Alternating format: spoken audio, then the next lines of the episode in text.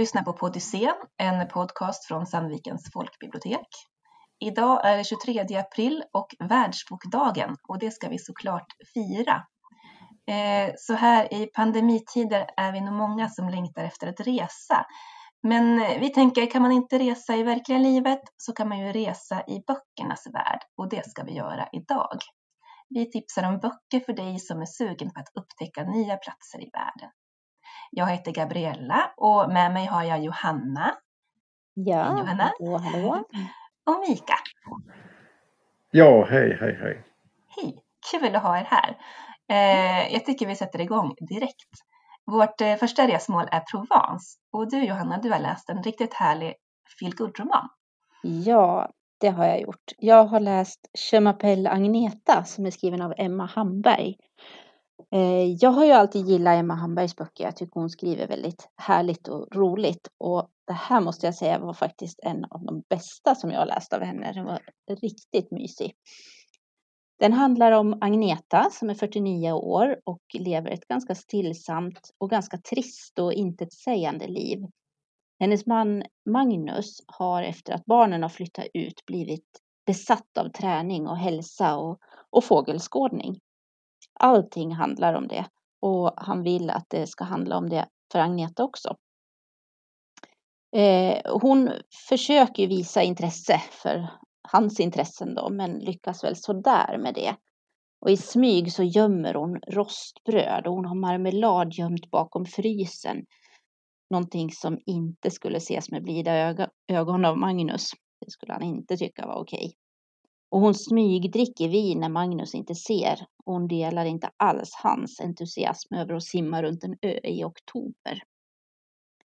Agnetas föräldrar försöker uppmuntra Agneta att göra något med sitt liv och bli lite mer livsbejakande. De tycker att hon ska börja spela golf och följa med dem på olika golfresor. Men det är ju inte hennes intresse. Det är inte Agnetas, det är föräldrarnas intresse. Och på jobbet är hon också ganska osynlig. Hon säger själv att i ett sånt här personlighetstest där man blir förknippad med en färg så skulle hon bli genomskinlig. Och en dag får Agneta veta att de ska göra en omorganisation på jobbet och att hon inte längre kommer att behövas.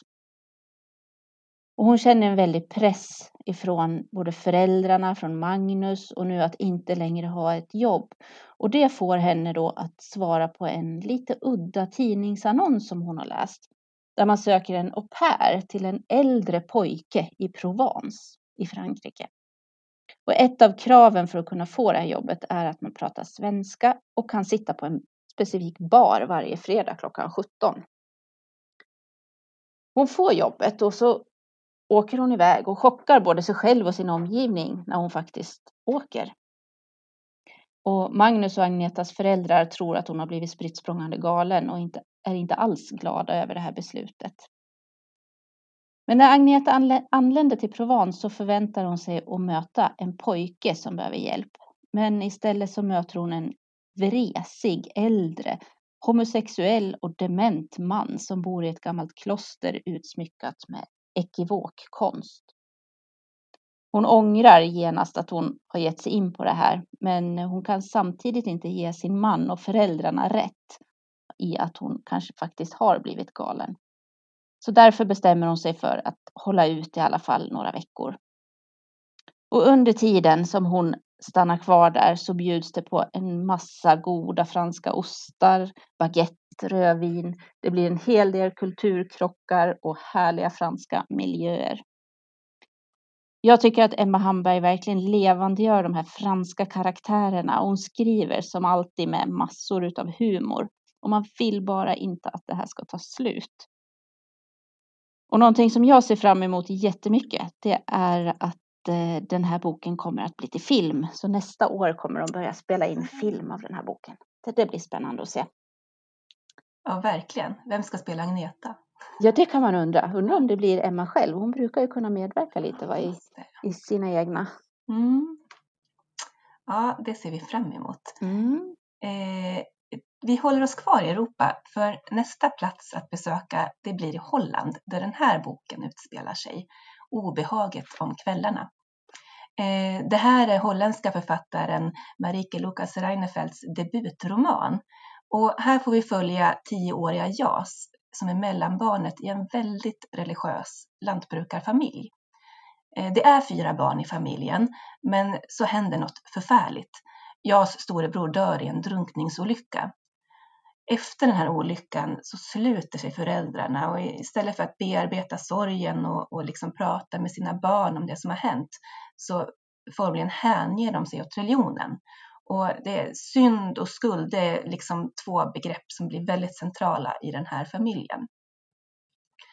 Eh, och Jas då, hon är övertygad om att det är hon som är orsaken till sin brors död.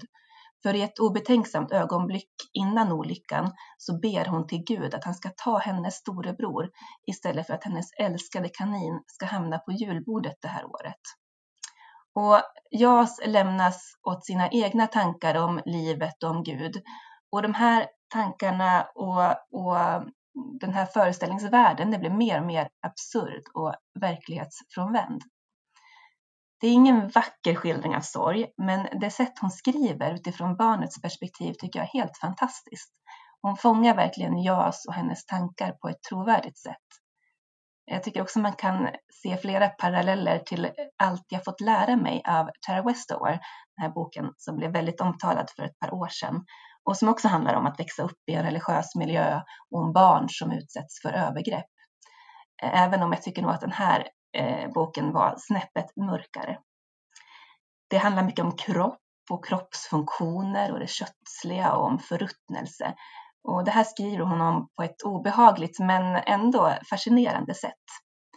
Det är en riktigt bra, om en speciell, feel bok som jag tycker, ja, jag hade väldigt svårt att släppa den.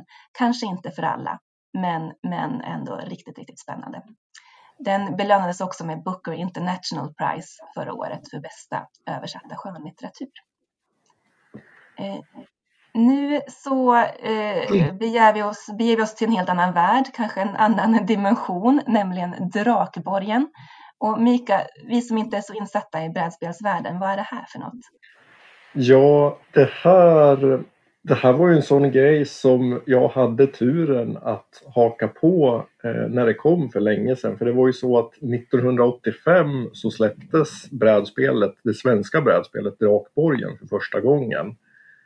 Um, och det, var, det är alltså ett helt svenskt tillverkat brädspel med viss inspiration från de amerikanska motsvarigheterna som uppstod via den här, vad ska man säga, rollspelarkulturen i USA och så vidare. Men det här är ju ett renodlat brädspel, alltså där man flyttar figurer och så vidare. Eh, I korthet så går ju spelet ut på att man är, man spelar en äventyrare som ska in i en borg och så ska man in i borgens mitt, in i en drakkammare och stjäla guld från en sovande drake och sen ska man ta sig ut med guldet innan solen har gått ner. Eh, det vill säga tiden som spelet går på. För varje drag som alla har flyttat så går, rör sig solen och när solen har gått ner och man är kvar inne i borgen så är spelet slut och förlorar man. Så det gäller att den spelare som kommer ut med mest guld vinner.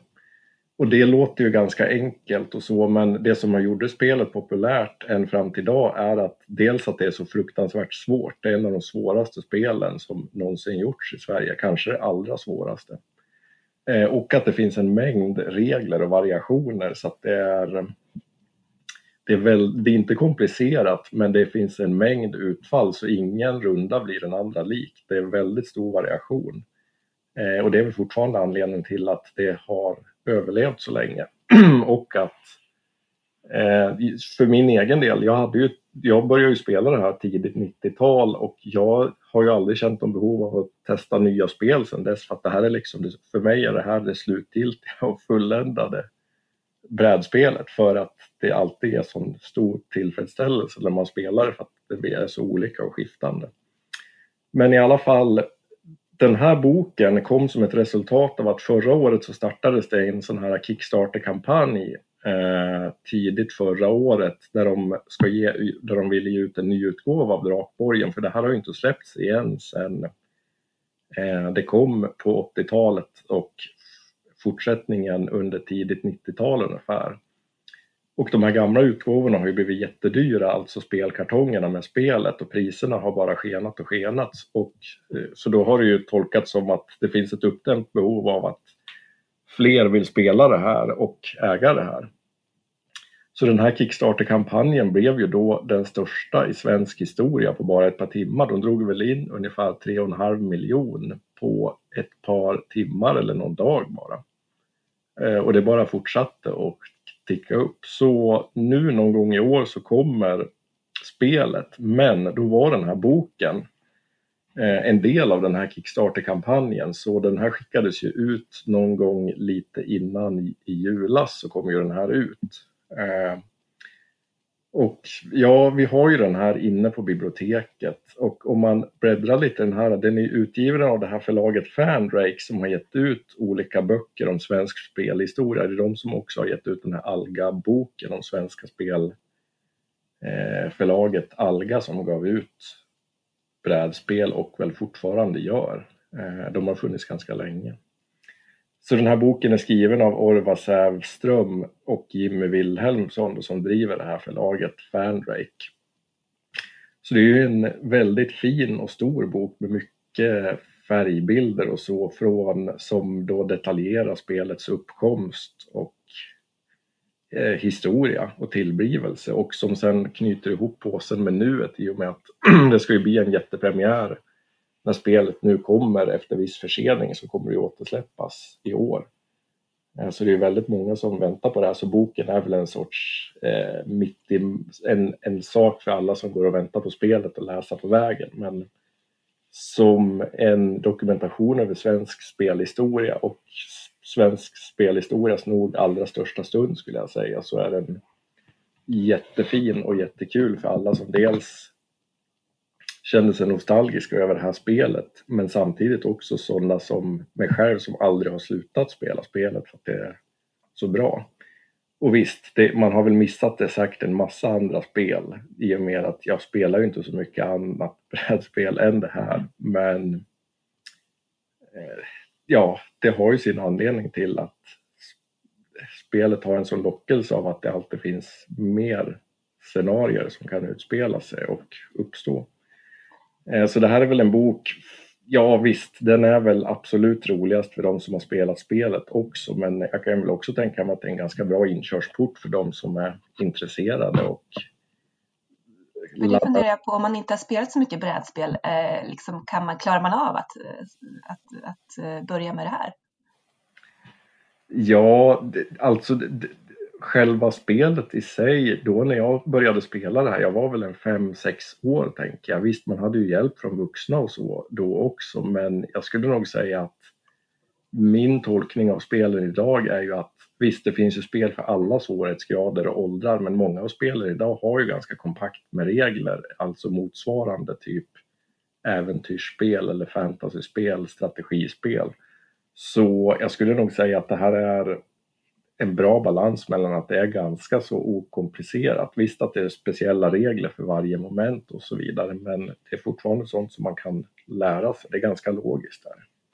Mm. Så det tror jag nog att det kan fungera som ett bra familjespel för det är väl den ingången som jag själv har haft. Så det är en lite kul bok att kolla i och bläddra i även om man inte är kanske jätteintresserad så är det ju ett, ett intressant moment i tiden också det ifrån att förr i tiden så 80-90-talet så var ju brädspel mer marginaliserat om man ska göra en svepande generalisering. Idag är ju brädspel mer, vad ska man säga, inne i eh, finrummen och mer mainstream fenomen än ett gäng svettiga tonårskillar som spelade Dungeons and Dragons på 80-talet typ.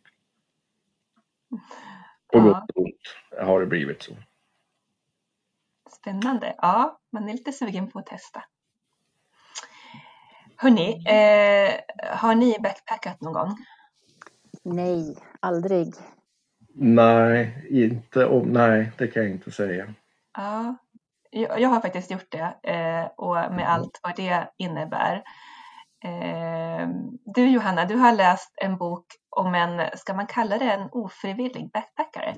Ja, hon, för, karaktären i den här boken, hon fick ju bege sig iväg lite ofrivilligt faktiskt. Eh, boken som jag har läst den heter Tio platser du måste besöka efter min död och är skriven av eh, Karin Wallén. Och den här boken den har ett par år på nacken, den kommer 2018. Karin Wallén hon arbetar som journalist och författare och har under flera år skrivit kröniker i resemagasinet Vagabond. Så hon har nog en hel del erfarenhet av det här livet. Och den här boken då, 10 platser du måste besöka efter min död, den handlar om 36-åriga Mia som ger sig iväg på en, en rundresa i Asien. Mia kommer från ett litet samhälle som heter Klippsund och det har varit hennes trygghet genom åren. Där har hon arbetat på ett café som ägdes av en kvinna som hette Kerstin.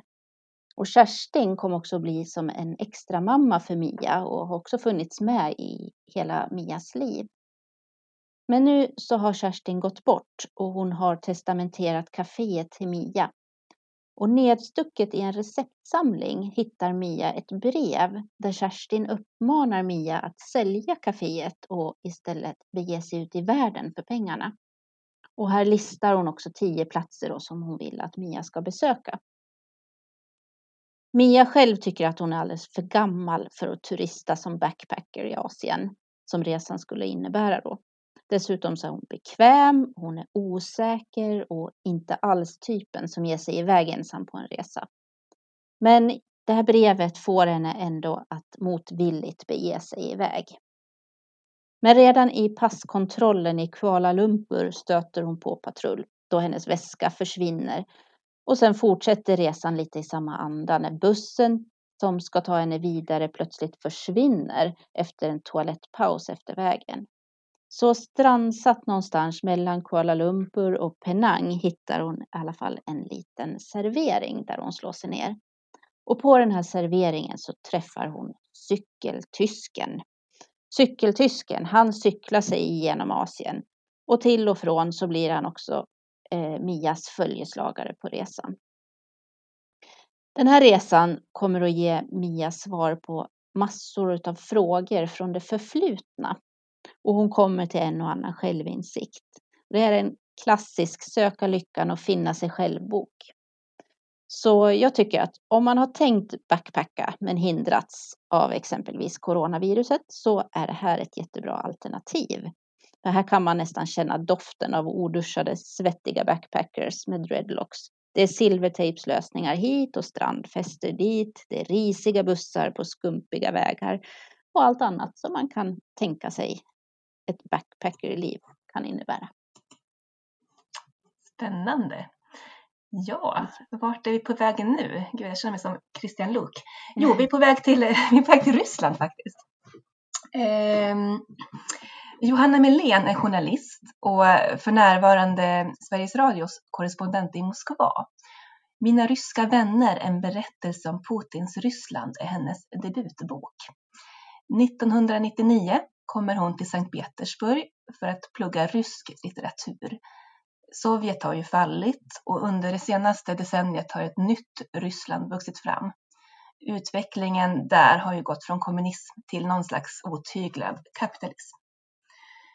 1999 är också året då den före detta KGB-agenten Vladimir Putin utnämns till Rysslands premiärminister samtidigt som ett flertal bombdåd mot bostadshus i Moskva och andra städer genomförs av separatiströrelser i Tjetjenien och Dagestan. Det här är en, en rätt omskakande tid och Johanna Melén hon värvar historieskildringen med sina egna erfarenheter som student i Sankt Petersburg. Vi får följa utvecklingen i Ryssland genom hennes ögon och genom de människor hon möter. Där finns bland annat Olga som släpar med sig illaluktande konserver med kalvkött från sitt föräldrahem i Orsk till det här lilla studentrummet som hon delar med Johanna. Vi får möta författare, och andra vänner, bland annat Natasha som eh, har glansiga damiga blusar och berusat gråter ut hos Johanna då hennes pojkvän har misshandlat henne.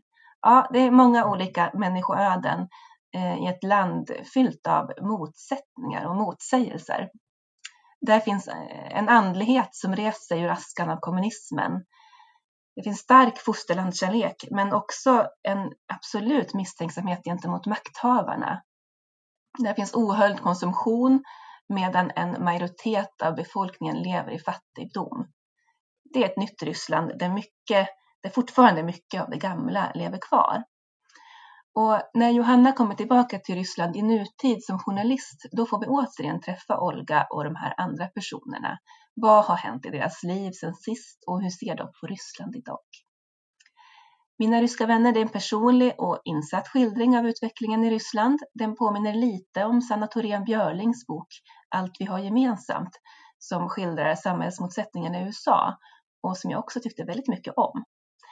Överlag är det en lättläst bok som ger en bra överblick för den som är nyfiken på Ryssland och Rysslands nutidshistoria. Och ja, ibland behöver man ju faktiskt inte åka så himla långt för att upptäcka nya platser. Nu ska vi röra oss lite norrut i Sverige, närmare bestämt till Ångermanland och till Ådalen. Och det här är en trakt som jag eh, själv känner väl till. Så det var med stor förväntan som jag började läsa Rotvälta av Tove Alsterdal. Av en slump återvänder Olof till barndomshemmet i närheten av Bjärtrå och det är 23 år sedan han var här sist. Som 14-åring misstänktes han och erkände också till sist mordet på en tonårsflicka. Domen gjorde honom utstött och allmänt hatad i bygden och han har sedan dess inte haft någon kontakt med vare sig familjen eller de här gamla vännerna. Men nu då i vuxen ålder på väg söderut till Stockholm så bestämmer han sig för att svänga av E4 och återvända till hemmet där pappan fortfarande finns kvar. När han kommer in på grusplanen hör han hur en hund skäller desperat inifrån huset. Och väl inne så upptäcker han då pappans vän mördad med en jaktkniv i duschen. Ja, inte riktigt den hemkomst han tänkte sig. Och det blir Eira på Kramforspolisen som får utreda det här mordet. Eira hon är också uppväxt i trakten och har kommit tillbaka för att ta hand om sin dementa mamma. Allt eftersom utredningen har sin gång så visar det sig att mordet har kopplingar inte bara till det som hände för 23 år sedan utan även till människor i Eiras egen omgivning. Det här är Tove Alsterdals femte spänningsroman och de tidigare böckerna de har varit fristående från varandra men Rotvälta är första boken i en serie böcker som utspelar sig just i Ådalen och med den här huvudpersonen Eira. Nästa bok kommer i år och heter Slukhål. I, I flera av hennes tidigare böcker där kretsar berättelsen kring verkliga historiska skeenden och det gör den ju även här, även om inte på kanske samma storslagna sätt. Men det märks att hon gjort sin research och kan den här trakten. Jag säger bara miljöskildringarna. Det är också lite roligt att försöka lista ut vilka platser och personer som är verkliga och vilka som är fiktiva. Eh, bland annat som en parentes så fladdrar en känd serietecknare bosatt i Sandslån utanför Nyland förbi. Ni kan ju fundera på vem det kan vara. Eh, men mest av allt så gillar jag Tove Alsterdals lätta handlag och fina berättande. En deckare med liksom sådana här romankvaliteter, det är verkligen inte fy skam. Vi ska avsluta eh, dagens poddavsnitt med att resa till underjorden, eller vad säger du Mika? Du har läst en helt eh, fantastisk bok har jag förstått av författaren Robert McFarlane. Eh, ja, precis. Ehm, den här gick ju ganska obemärkt förbi för mig och många andra, men jag fick ju tips från en annan bibliotekarie i Göteborgstrakten som tipsade om den här som ja, vi har ju mycket samma smak och så vidare, så då tänkte jag att ja, det var inte mycket att fundera över. Den här, eh, jag har ju läst den här på engelska och den heter Underland på engelska då. Eh, den kom 2019 och jag tänkte då så pass att den inte ens hade blivit översatt än. Men jo, jag såg den. Den står ju i hyllan på vårt bibliotek. Och på svenska heter den då alltså Underland. Um, den är alltså skriven av Robert McFarlane som ja, en författare som man har missat, som jag har missat. Han har skrivit en massa, vad ska man säga, reserelaterade böcker fast inte alls i traditionell mening. Han har ju skrivit böcker där han vandrat till fots över Storbritannien och ut på öarna där och går i gamla tiders stigar och han har skrivit böcker om berg Eh, och sånt. Eh, I den här boken så har han rest stora delar av världen runt eller främst Europa till olika underjordiska platser. Eh, från grottor i Storbritannien till en finsk sån här eh, station för kärnbränsleavfall. Eh, till också till en lång vindlande resa i Paris katakomber, den förbjudna delen där han tar sig in med folk som han känner. Han har ett väldigt gediget kontaktnät med liksinnade som vill utforska undre delar och liksom lite dolda platser i världen. Så han, de tar ju sig in på olika ställen lite runt om och sen när han också besöker en grotta i Norge där det fanns, vid Norges typ nordvästra kust, där, det fann, där man hittade bland världens första grottmålningar och så vidare. Eh, så den, den här, eh, till ytan sett så är ju det här en väldigt, eh, en ganska konkret bok men samtidigt vem som helst i princip kan ju göra det här och resa jorden runt bara man har tillräckligt med pengar och besöka olika platser. Men det som gör det här till en storslagen och fantastisk bok är ju hans sätt att skriva. Han är ju en...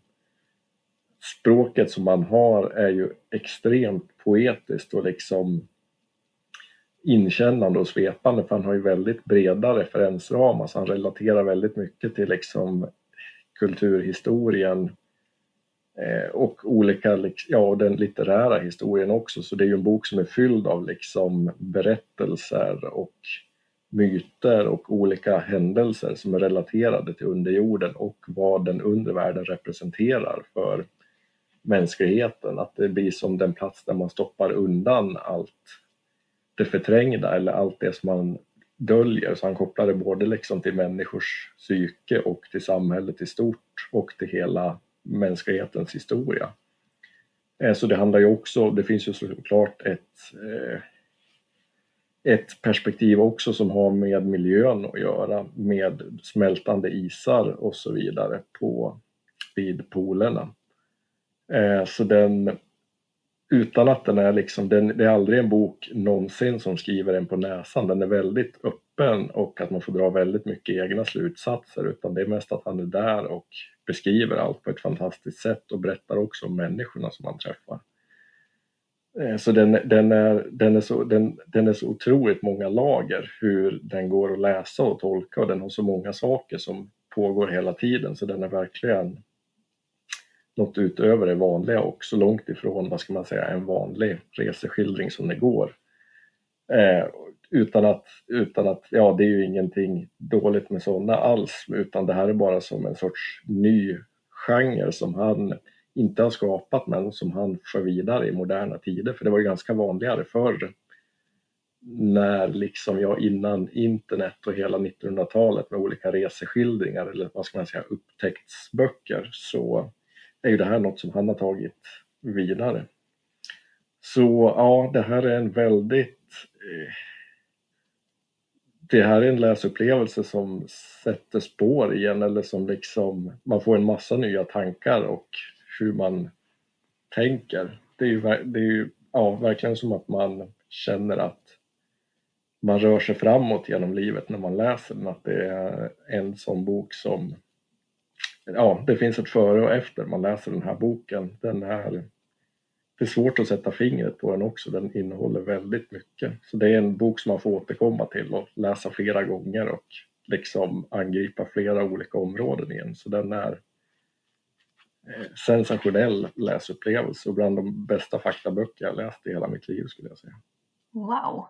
Ja, ja det blir jag sugen på att läsa. Ja, jag tänker på de här med... spännande.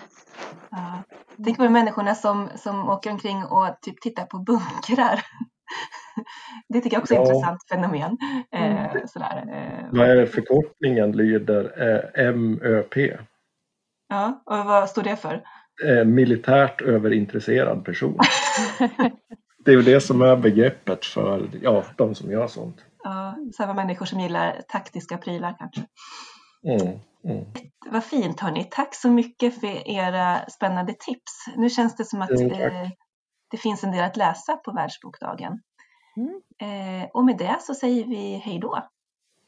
Ja, hej då. Hej då.